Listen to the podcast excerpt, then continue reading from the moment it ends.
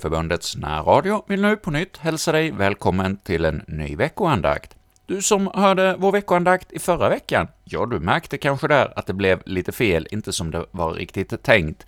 Det var ju så att vi skulle fått höra en andakt inför Jungfru Marie bebådelsedag, men i den angivelsen som jag läste för det program jag valde, ja, där stod det att det var en andakt inför Jungfru Marie bebådelsedag, men den andakten var för eh, palmsöndagen, och stressad som jag var i förra veckan så hann jag inte lyssna på programmet, utan trodde att det var rätt som jag påannonserade. Men jag valde då att vi istället denna vecka får lyssna till en andakt inför den gångna helgens eh, text då utifrån Jungfru Marie bebådelsedag. Och det är en predikan jag har hittat i vårt arkiv med John-Erik Appell som vi får lyssna till. Så varmt välkomna till dagens sändning. Nåd och frid från Gud vår Fader och Herren Jesus Kristus Låt oss be. Kom snart till mig, o Jesus kär. Mitt hjärta för dig öppet är. Kom in med nåd och salighet och bli där kvar i evighet. O Jesus, giv en stadig tro och hjälp mig till din himla ro. Jag kommer snart, o kära själ.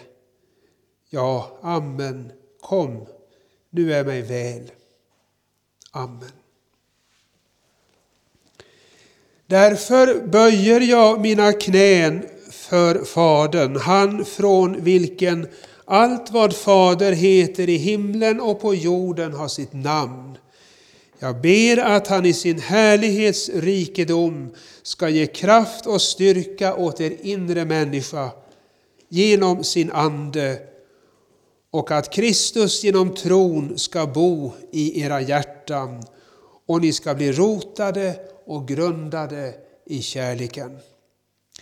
Ja, så heter det i Efesierbrevets tredje kapitel, verserna 14 till och med 17, att aposteln Paulus bad för dem han skrev till. Samma bön behöver också vi be. Och det är både för oss själva och för dem Gud lägger på våra hjärtan. Vi behöver be att den himmelske Fadern ger oss sin helige Ande och därmed den tro som öppnar våra hjärtan för Jesus så att han kan komma in och bo där med sin förlåtande och frälsande kärlek, vilket han så gärna vill. Ja, låt oss en stund stanna inför den sanningen Jesus vill bo i ditt hjärta. Att Jesus vill bo i ditt hjärta, det är en nåd utan like. Först något om det. Att Jesus vill bo i ditt hjärta, det är en nåd utan like. I sjätte månaden blev ängeln Gabriel sänd av Gud till en jungfru i staden Nasaret i Galileen. Hon var trolovad med en man som hette Josef och var av Davids släkt och jungfruns namn var Maria. Ja, så börjar bebådelsedagens evangelium. Jungfru Maria var väl förtrogen med de heliga skrifterna och visste att Gud hade lovat sända en frälsare till jorden. En frälsare som skulle riva ner den mur mellan Gud och människorna som syndafallet hade rest. Maria visste också hur detta skulle ske. Den utlovade frälsaren skulle gå i människornas ställe. Han skulle ta på sig deras synder och lida deras straff och så stifta frid mellan Gud och människorna. Men den som skulle göra detta, han måste själv vara utan synd. Han måste i allt vara sådan som Gud är. Det fanns bara en som uppfyllde detta krav. Bara en som var utan synd och därför kunde frälsa människorna från deras synd. Denne ende var Guds egen son. Och så mycket älskade Gud den värld som i otro vänt honom ryggen och slagit in på syndens väg, att han var villig att sända sin son till jorden för att bota all den skada som oss syndafallet gjort. Men allt detta som Maria hade lärt av de heliga skrifterna, det trodde hon också. Det som sägs om Abraham i Romarbrevets fjärde kapitel kan lika gärna sägas om Maria. Hon var övertygad om att vad Gud hade lovat, det var han också mäktig att hålla. Hon hörde därför till dem som kallades de stilla i landet. De som ivrigt väntade på och längtade efter den tid då Gud skulle uppfylla sina löften alltifrån syndafallets dag och sända den utlovade frälsaren, sin egen son, till jorden. En dag fick Maria ett besök som hon aldrig skulle glömma. En av Guds änglar, Gabriel, kom till henne. Samme ängel som sex månader tidigare hade besökt den gamle prästen Sakarias och räckt honom det ofattbara budskapet att hans åldriga hustru Elisabet skulle föda honom en son. Att de i sig själva osynliga änglarna kunde anta mänsklig gestalt och besöka människor på samma sätt som den ena människan besöker den andra. Det visste Maria. Det kunde hon läsa om i de heliga skrifterna. Men att hon skulle få besök av en ängel, det hade hon aldrig kunnat drömma om. Men så skedde alltså. Ängeln kom in till henne och sa, Gläd dig, du benådade, Herren är med dig.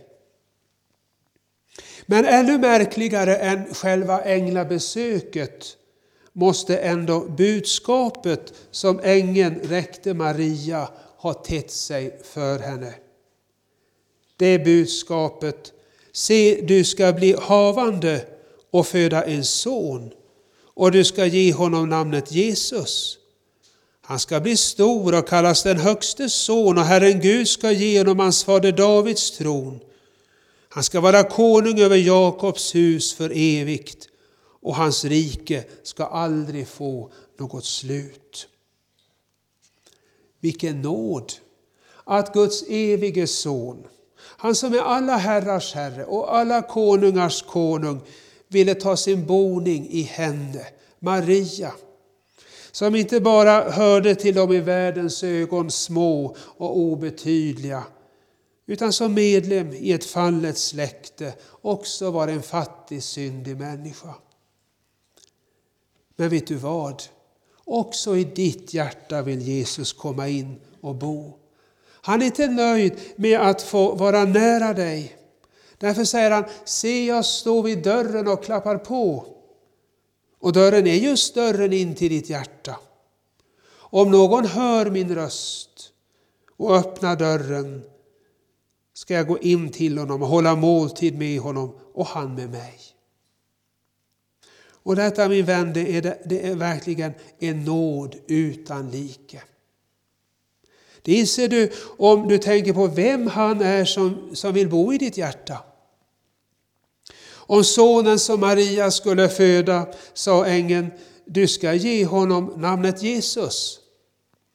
Varför just detta namn? Jo, därför att Marias son skulle vara vad namnet Jesus betyder, frälsare. Ja, det är just vad Jesus är för dig.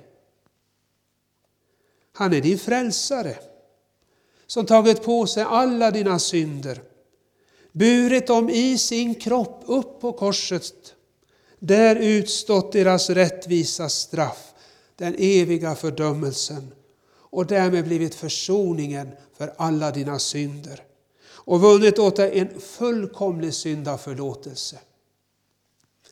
Han är din frälsare som i ditt ställe och dig till godo har blivit frestad till allt tänkbart ont. Men också segrat i varje frestelse och därmed gjort det möjligt för dig att finna nåd till hjälp i rätt tid. Vilken hjälp då?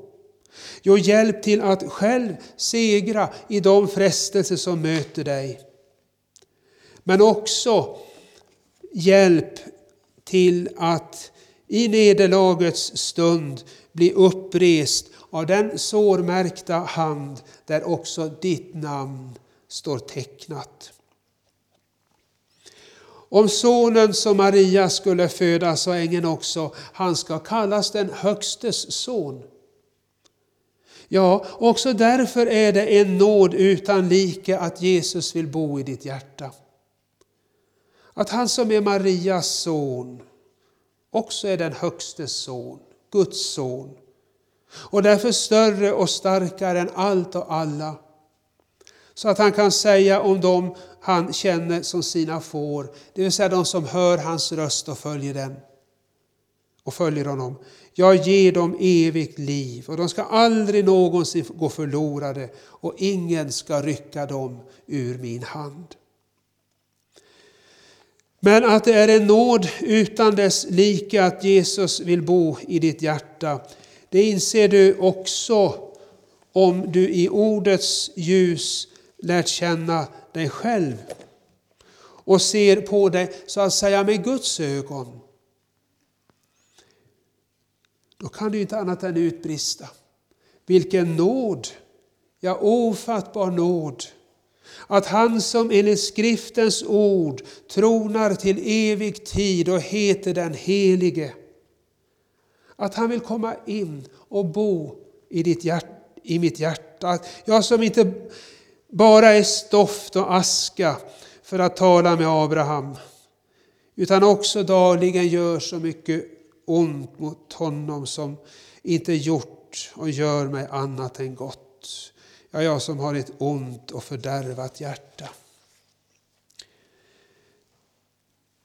Vidare, för att Jesus ska kunna bo i ditt hjärta måste den helige Ande ge dig den ödmjukhet och tro du inte har i dig själv. För att Jesus ska kunna komma in i ditt hjärta måste den helige Ande ge dig den ödmjukhet och tro du inte har i dig själv. Vad är det som lyser igenom i det som bebådelsedagens evangelium berättar om Maria? Jo, just att den helige Ande fått ge henne den ödmjukhet och tro som inte heller hon hade i sig själv. Eftersom också hon hörde till det släkte som i högmod och otro brutit med sin skapare. Att den helige Ande fått ge Maria ödmjukhet det gjorde att hon kände sig djupt ovärdig, både till änglabesöket och kanske än mer till det uppdrag som ängeln eh, talade om för henne att Gud hade utvalt henne till. Att hon skulle bära den Högstes son under sitt hjärta.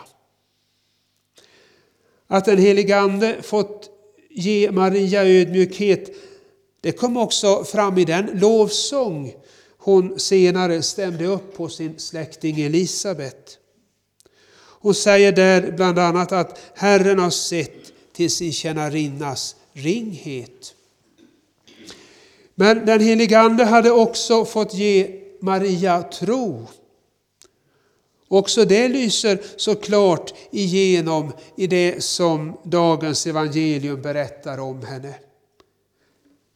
När ängeln hade framfört sitt märkliga budskap till henne att hon skulle bli mor åt Guds evige son, den utlovade frälsaren, så trodde hon verkligen på detta minst sagt otroliga budskap. Det var inte otro som låg bakom eh, när hon undrade hur ska detta kunna ske? Ingen man har ju rört mig.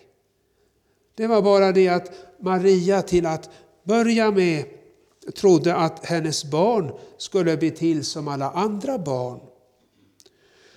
Och när ängeln svarade på hennes undran och sa den helige Ande ska komma över dig och den Högstes kraft ska vila över dig. Därför ska också barnet kallas heligt och Guds son. Så trodde hon också det. Så otroligt det än måste ha låtit. Liksom det som ängeln sa om Elisabet. Och se din släkting Elisabet ska på sin ålderdom också få en son. Hon som man har sagt är ofruktsam, hon är nu i sjätte månaden, ty för Gud är ingenting omöjligt. Och vilken tro lyser inte fram i Marias slutord. Jag tänker på det hon säger till ängeln strax innan han lämnar henne. Se, jag är Herrens tjänarinna. Må det ske med mig som du har sagt. Den heliga Ande hade alltså fått ge Maria både ödmjukhet och tro. Och just därför kunde Jesus ta sin boning i henne. Men också hos dig vill Jesus finna ödmjukhet och tro för att han ska kunna komma in i ditt hjärta och bo, ska kunna bo i ditt hjärta. Och varför? Jo, därför att det bara är de ödmjuka som ser att de behöver Jesus och de som tror som tar emot honom. Men var finner Jesus detta? Sådan människan är av naturen saknar hon både ödmjukhet och tro. Istället för ödmjukhet finner han högmod, självtillräcklighet, egen sinne. Och istället för tro finner han ett djupt rotat misstroende mot Gud och hans ord. För många människor, ja för de allra flesta, är bristen på ödmjukhet och tro inget som bekymrar dem. Men för en människa som börjat förstå att hon behöver Jesus till förlåtelse och frälsning, för henne är det däremot ett stort bekymmer. Ängsligt frågar hon sig, hur ska detta kunna ske? Hur ska jag få den ödmjukhet och tro som gör att Jesus kan bo i mitt hjärta? Ja, du kan inte själv ta dig vad du inte har, men så väl behöver. Men misströsta därför inte. Den helige Ande ska komma över dig och den Högstes kraft ska vila över dig. Det är ett Andens verk att ge dig den ödmjukhet och tro du inte har i dig själv. Och just därför att det inte är du som ska göra det så kan det omöjliga bli möjligt. Ty för Gud är ingenting omöjligt. Men den helige Andes främsta verktyg är Guds ord. Anden och ordet har Gud själv förenat och får därför aldrig skiljas åt. Sker ändå detta så blir allt fel. Låt därför ordet på allvar få tala till dig. Och be att Anden genom ordet du hör och läser och tänker på Ge dig den ödmjukhet och tro som gör att Jesus kan bo i ditt hjärta. Och det ska inte slå fel. Utan att du riktigt vet hur det går till så blir det som för dig är omöjligt ändå möjligt. Även om ditt hjärta här i tiden aldrig blir, kan bli helt tömt på allt vad högmod och otro heter, det blir det först i en salig död. Så ska ändå den helige Ande verka hos dig den ödmjukhet och tro som öppnar ditt hjärta för Jesus och gör att han kan komma in och bo där. Till sist, när Jesus bor i ditt hjärta, då har du rätt att ta till dig hans ord, frukta inte. När Jesus bor i ditt hjärta, då har du rätt att ta till dig hans ord, frukta inte. När ängeln Gabriel kom till Maria och sa, gläd dig du benådade, Herren är med dig, så var inte glädje det första som fyllde Maria, utan fruktan. Det står att hon blev förskräckt vid, eh, ängeln, vid hans ord och undrade vad denna hälsning kunde betyda. Och så är det alltid i mötet mellan himmel och jord, mellan Guds helighet och människans synd. Det fyller oss med fruktan. Ja, något annat är inte möjligt. Ve mig, jag förgås, utbrast profeten Jesaja då han i en syn i templet såg den trefalt helige sitta på en hög och upphöjd tron. Gå bort ifrån mig, Herre, jag är en syndig människa, utbrast lärjungen Petrus då han insåg att han stod inför Guds helige. Men även om det alltså var en helt naturlig reaktion hos Maria att hon blev förskräckt, så var den ändå onödig. Frukta inte, sa ängeln till henne. Hon fick också veta varför hon inte behövde frukta. Du har funnit nåd hos Gud. Men så är det också med dig. Om du fått den stora nåden att Kristus tagit sin boning i ditt hjärta. Du har rätt att ta till dig hans ord, frukta inte. Och ändå, hur ofta fylls du inte av fruktan? Du tänker på att det inte går en dag utan att du felar och förgår dig. Och du fruktar att förlåtelsens källa ska sina för dig. Du tänker på alla frestelser som djävulen, världen och ditt eget kött vållar dig.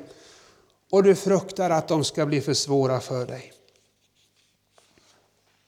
Du tänker på framtiden och vad den kan komma att innebära för dig. Och du fruktar att mycket ska hända dig som du inte klarar av. Du tänker på döden. Både det som går före den och det som följer efter den. Och du fruktar att den ska skilja dig från din frälsare. Men som det var med Marias fruktan så är det också med din. Den är i själva verket onödig. Och varför? Jo, därför att Jesus som bor i ditt hjärta är större och starkare än allt och alla. Du fruktar att förlåtelsens källa ska sina för dig. Frukta inte, säger Guds ord. För Jesu, Guds sons blod renar dig från all synd och han är försoningen för våra synder och inte endast för våra utan också för hela världens. Du fruktar att frestelserna som de andliga fienderna vållar dig ska bli för svåra för dig. Frukta inte, säger Guds ord. För vi har inte en överste präst som ej kan ha medlidande med våra svagheter, utan en som blir frestad i allt liksom vi, men utan synd. Och eftersom han själv har lidit och blivit frestad kan han hjälpa dem som frestas. Du fruktar att du i framtiden ska gå igenom sådant som du inte klarar av.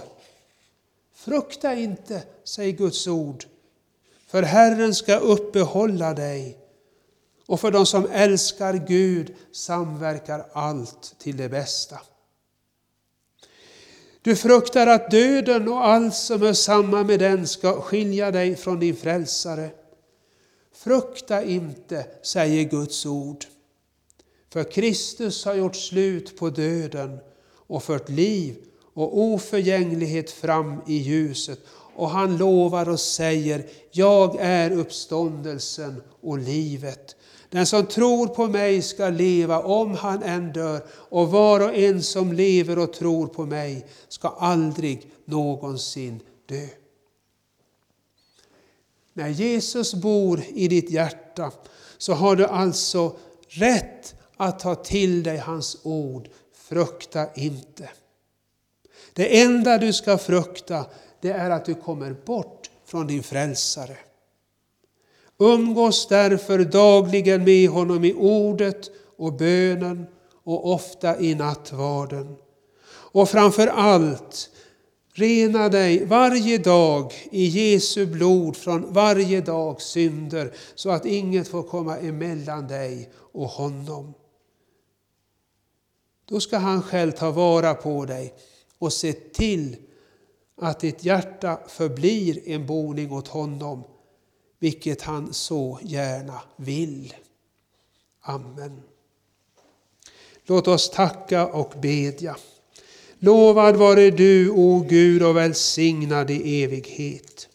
Du som med ordet vi nu fått stanna inför har velat trösta, lära, förmana och varna oss. Låt nu din gode helige Ande skriva detta ditt ord i våra hjärtan, så att vi inte är glömska hörare, utan Anden med ordet får verka och stärka hos oss den ödmjukhet och tro som öppnar hjärtat för Jesus, så att han kan komma in och bo där. Och vi får leva och dö med det ordet skrivet i våra hjärtan. Frukta inte. Ja, om den nåden ber vi dig i denne din Sons Jesu Kristi namn. Amen. I Kyrkliga Förbundets veckoandakt har vi denna eh, gång fått lyssna till en betraktelse inför den gångna helgen, Jungfru Marie bebådelsedag, en predikan med Jan-Erik Appell. Och vi från Kycklingförbundets närradio säger tack till er som har hört oss denna vecka och hälsar er alla välkomna till en ny veckoandakt om en vecka. Men nu ska vi avsluta vårt program denna gång med en eh, psalm ur Gamla psalmboken, psalmen 62 i 1937 års psalmbok ”Lova vare dig, o Jesus Krist”. Och här är det Vadstena koralkör från 1962 som sjunger för oss.